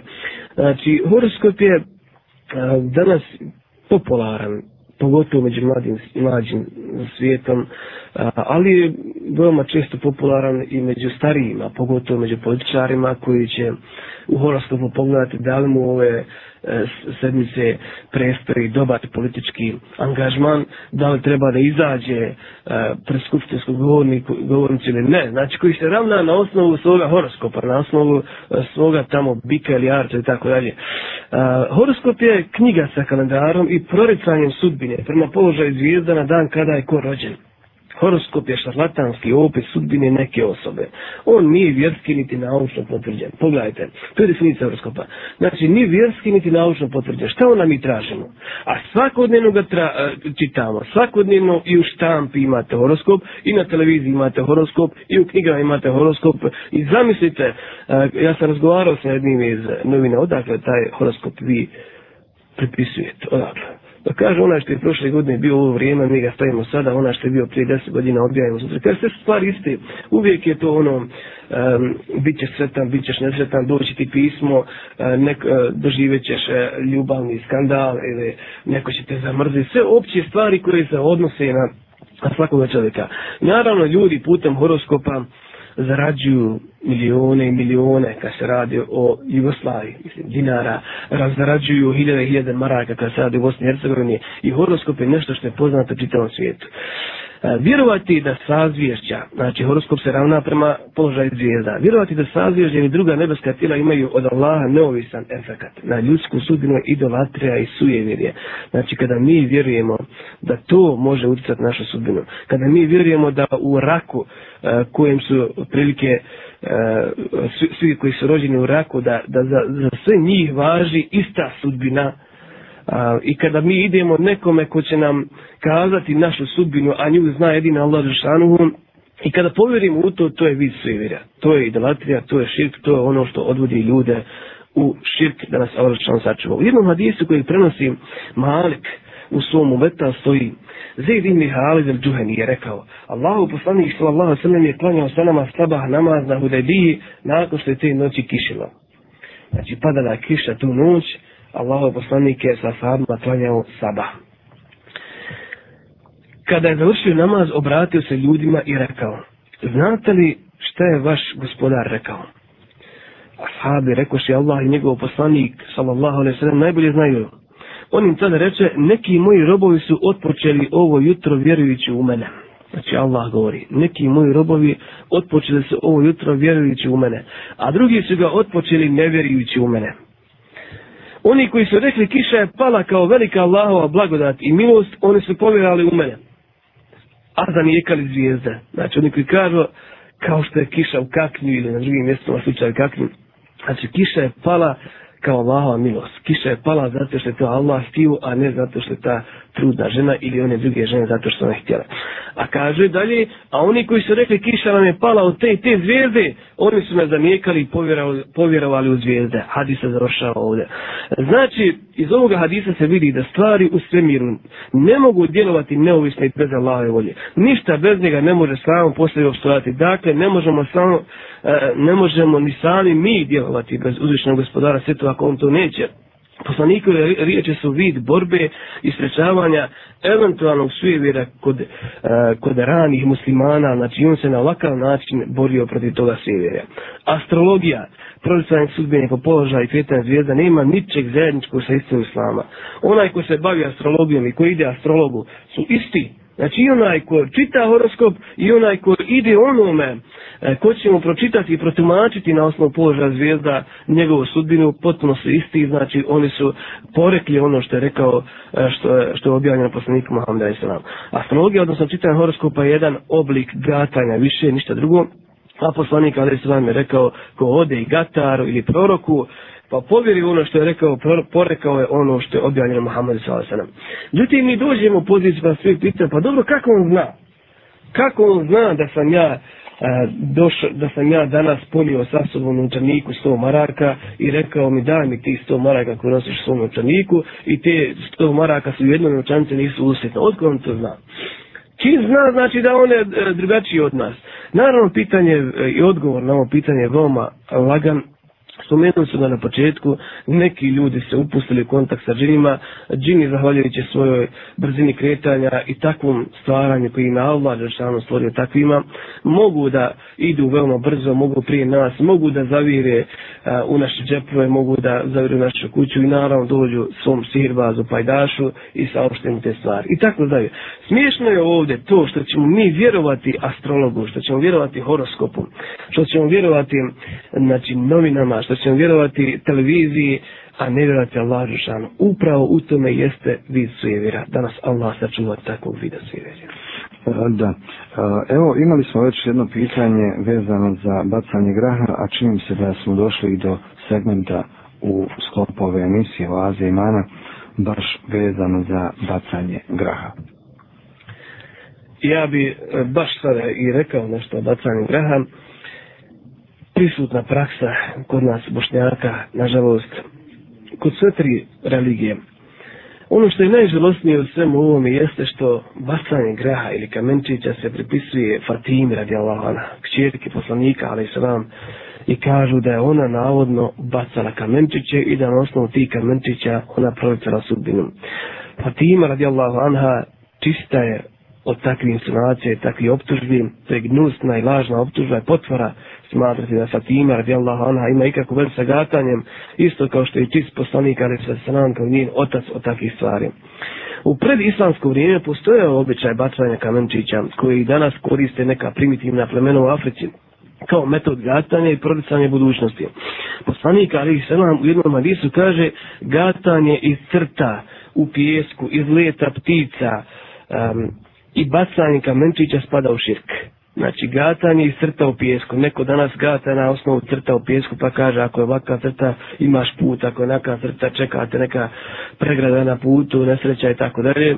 Zatim gatanje iz leta ptica, neki na osnovu ptice. E, kod predislamske Araba postoje običaj kada čovjek e, e, naiđe, kada treba nešto da uradi, jel, taj dan ili neki drugi dan, dođe do ptice i onda baci se na njom kamenu, pa kaže ako ptica ode udesno, on će uraditi nekako na umiju. Ako ptica se prepani ode ulijevo, ona će odustati od te svoje namere. A, ka, I dalje kaže i bacanje e, raspored kamenčića, e, bacanje kamenčića spada u širk. Znači sve ove tri stvari koje su prisutne među nama, nažalost, koje su bile prisutne u doba džahilida, pogledajte koliko su one zadržale, prisutne su i dan danas. U njihovo vrijeme se koristio metod procena tako što su žene bacale kamenčiće i na osnovu rasprede kamenčića prolicala budućnost.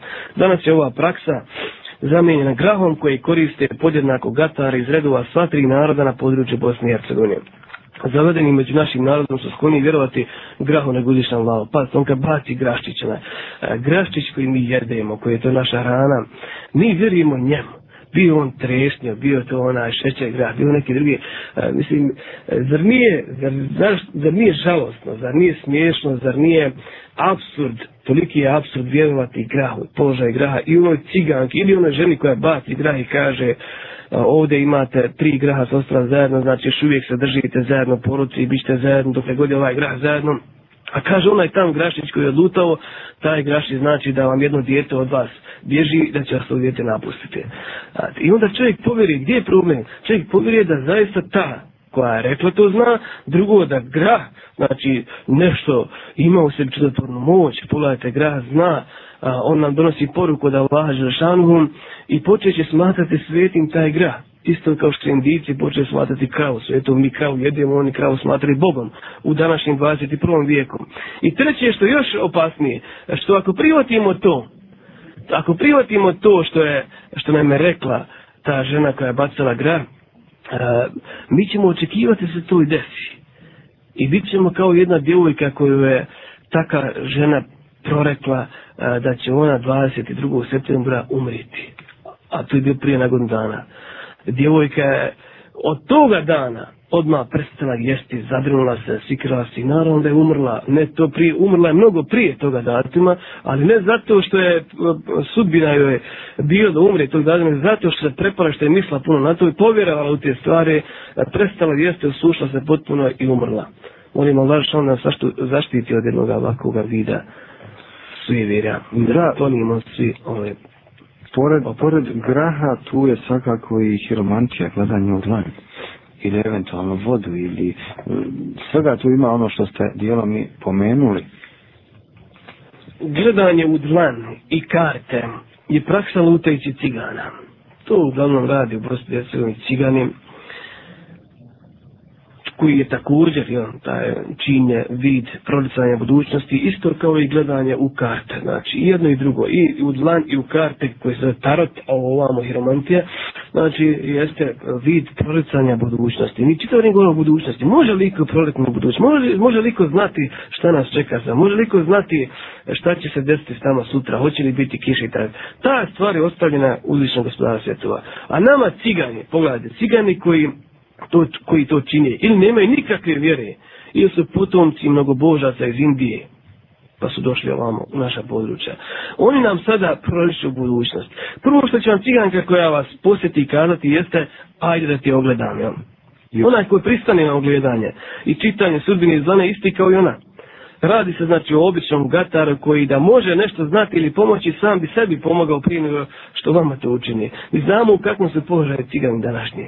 Znamo da ti ljudi konstantno lutaju, znamo da nemaju ni materije, već prose od nas, od istih onih kojima oni ogledaju i koji, a mi smatram da oni imaju neku posebnu moć. Je zaista prenisko. Svima nam je dobro poznat položaj, znači njihovo društvo. Bijeda, jad, bezvjerstvo i neobrazovano su osobine po kojima sam poznati. Dakle, ogledanje u dlan ili karte i procesanje sudbine iz njih je klasičan vid gatanja. A samim tim i suje vjere koje čovjeka može odvesti u širk da nas Allah sačuva. U jednom hadisu Eh, poslanik, ali i sratu salam, kaže kad meleki razgovaraju usred oblaka o stvarima koje će se desiti na zemlji, šeitani načuju riječ koju eh, i prenesi uho proroka Gatara kao kad nešto eh, kao kad neko nešto ulije u flašu i usto dodaju stotinu laži. Znači, na takav način ono mogu čuti neke. Znači, njihov džin šetan dođe i onda nam saopšti i kaže e, doći ti taj, taj, ili sutra se, bit ćeš, imat ćeš sastanak s tim, tim, tako dalje. Međutim, to je obična šetanska podvala i obmana.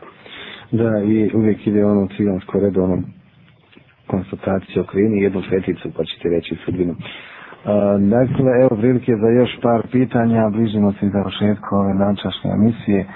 Želim vas svakako da čujemo i slušalce. Halo? Halo. Da, Bujro. Selam alaikum. Alaikum selam. Da li bi ja mogla vam programa jedno pitanje postaviti? Uh, 735495, nešto kasnije po završetku emisije. Uh, Idemo do druge linije. Imamo nekog tu, nemamo. Dakle, cijenjeni slušalci, imamo halo. Halo, salam alaikum. Alaikum, salam. E, ja bih vam jedno pitanje postavila. Što mm. sa bioenergičarima, jer previše i reklamiraju na televiziji. Aha. E, toliko. Hvala, lijepo, alaikum, salam, bioenergija. Interesantna pitanja, svakako. O bioenergiji ne znam nešto posebno, ali sam razgovarao s nekima od njih na koji način liječe i tako dalje. E, vjerujte da mi jedan od njih e, ima stvari koje ispravno liječe i to zbog toga treba konsultovati medicina. Naši ljekari njih ne treba zaobilaziti svema ono, oni zaista mnoge stvari poznaju.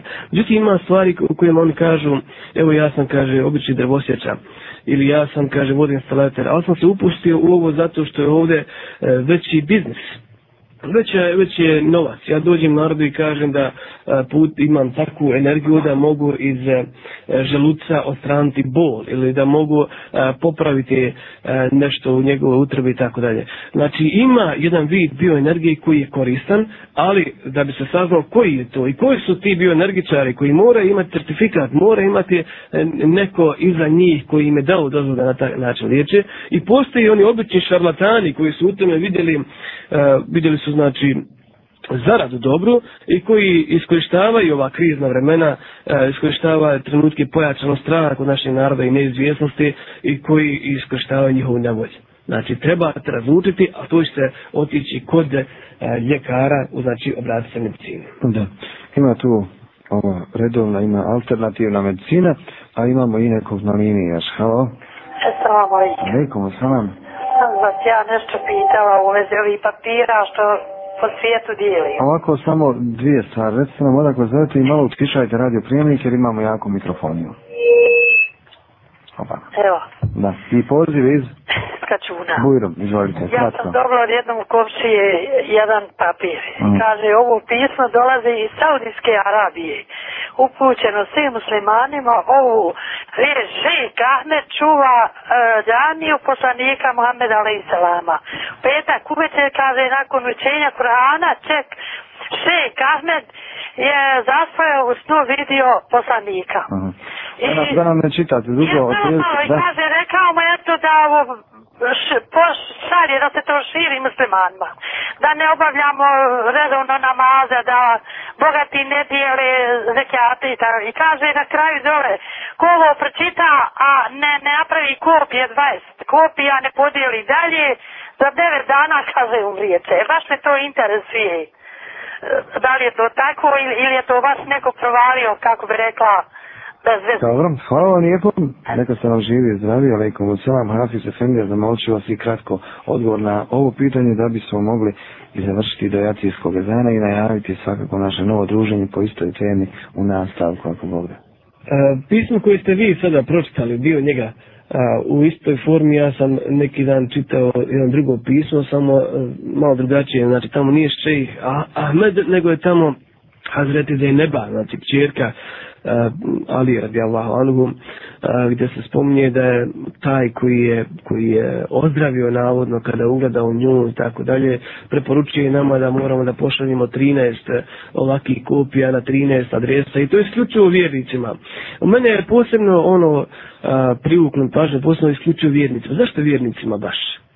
Zašto ne nevjernicima? I onda tamo kaže se ko ne pošalje to pismo dalje, će ga zla kob a zloj kobe, ako bude sljedeći puta ćemo pričati nešto malo više. Znači, ko ne pošalje tu na tu adres, njega se zla koba. E, mislim da ovdje s ciljem, s namjerom, znači, ovo pismo koje se tiče za nebe, radi Allahanha, znači poslato je sa poznate, veoma poznate adrese e, gdje ljudi e, imaju, znači gdje taj koji je poslao ima za cilj odvođenje ispravnih pravnih vjerni, pravi vjernika sa pravoga puta a, pismo o šejku Ahmedu koji čuva navodno poslanikovu džamiju, a, nju Allah Žešanu čuva, ne taj šejk, niti ne, bilo koji drugi čovjek, Allah Žešanu je moćniji od svih šejkova, je isto ovo pismo, znači samo što se ovdje e, od vas traje da na 20 adresa pošaljete. Mislim da su to stvari koje nikakve, ali baš nikakve osnove nemaju. Drugo, to su stvari koje će vas odvesti sa pravoga puta i treće, to su stvari koje ćemo oduzeti jako puno vremena. Valja vama kopirati prvo, pa valja na 20 adresa poslati, pa ona isti tam na drugi 20 i sve s ciljem i namirom da, da se povjeruje da ima nešto drugo mimo Allah Žešanu što može djelovati na ljude i što može štetiti ili koristiti. Da. U svakom slučaju to pismo najbolje to pismo najbolje kao što jedno dijete kaže, pa ste dijete od 11 godina, e, kaže, kada sam dobio to, dobila, bila je djevojčica, kada sam dobila to pismo, ja sam ga odmah spavila jer sam u njemu vidla klasični širk. Dijete od 11 godina rezumije veoma često bolje nego ljudi od 31 godina. Bismillah, tam stavljati i završiti. Hafiz Efendija, meni doista žao, evo naše vrijeme e, je isteklo za ovo druženje. Ovo je oaza imana humanitarne organizacije Ibn Mubarak emisije, dakle sve vjeri kod Bošnjaka. Došli smo do samo jednog vjera emisije, tako da ću vas ja zamoliti da za 15 dana u novom druženju, ako Bog da nastavimo po istoj temi. Ako Bog da spremit ćemo za, se, za tada, ako nas Allah samo poživi, ja molim slušalce da kani se svi ovi stvari koje smo mi okarakterisali večeras kao stvari svivira, molim Allah što onda je učvrsti u vjeri i da, im, da ih uputi na pravu, iskrenu vjeru, e, kao što, bi, kao što upućuje žednoga na pravi i čisti izvor. Hvala vam lijepo i neka vas Allah Želešanu čuva i štiti sa vama. Amin i vas i sram alaikum. Cijeni slušalci, dakle, bila je to još jedna emisija o Aze Imana, humanitarne organizacije i Mubarak iz Tešnja. Sve vjere kod Bošnjaka je bila noćašnja tema koju ćemo Bog da nastaviti za 15 dana, a naš gost u studiju bio je Hafiz, magistar šarijatskog prava, Senaj Defendija Zajmović. Želim i vam svako dobro i potrudite se da primijenite mnogo od ovoga što je kazao naš Hafiz noća svima nama. Završite sa manjerima, završite sa zapisima i završite onako kako treba. Klanjate jaciju namaz i provedite dio noći u ibadetu. Da ponovno slušanja. Assalamu alaikum.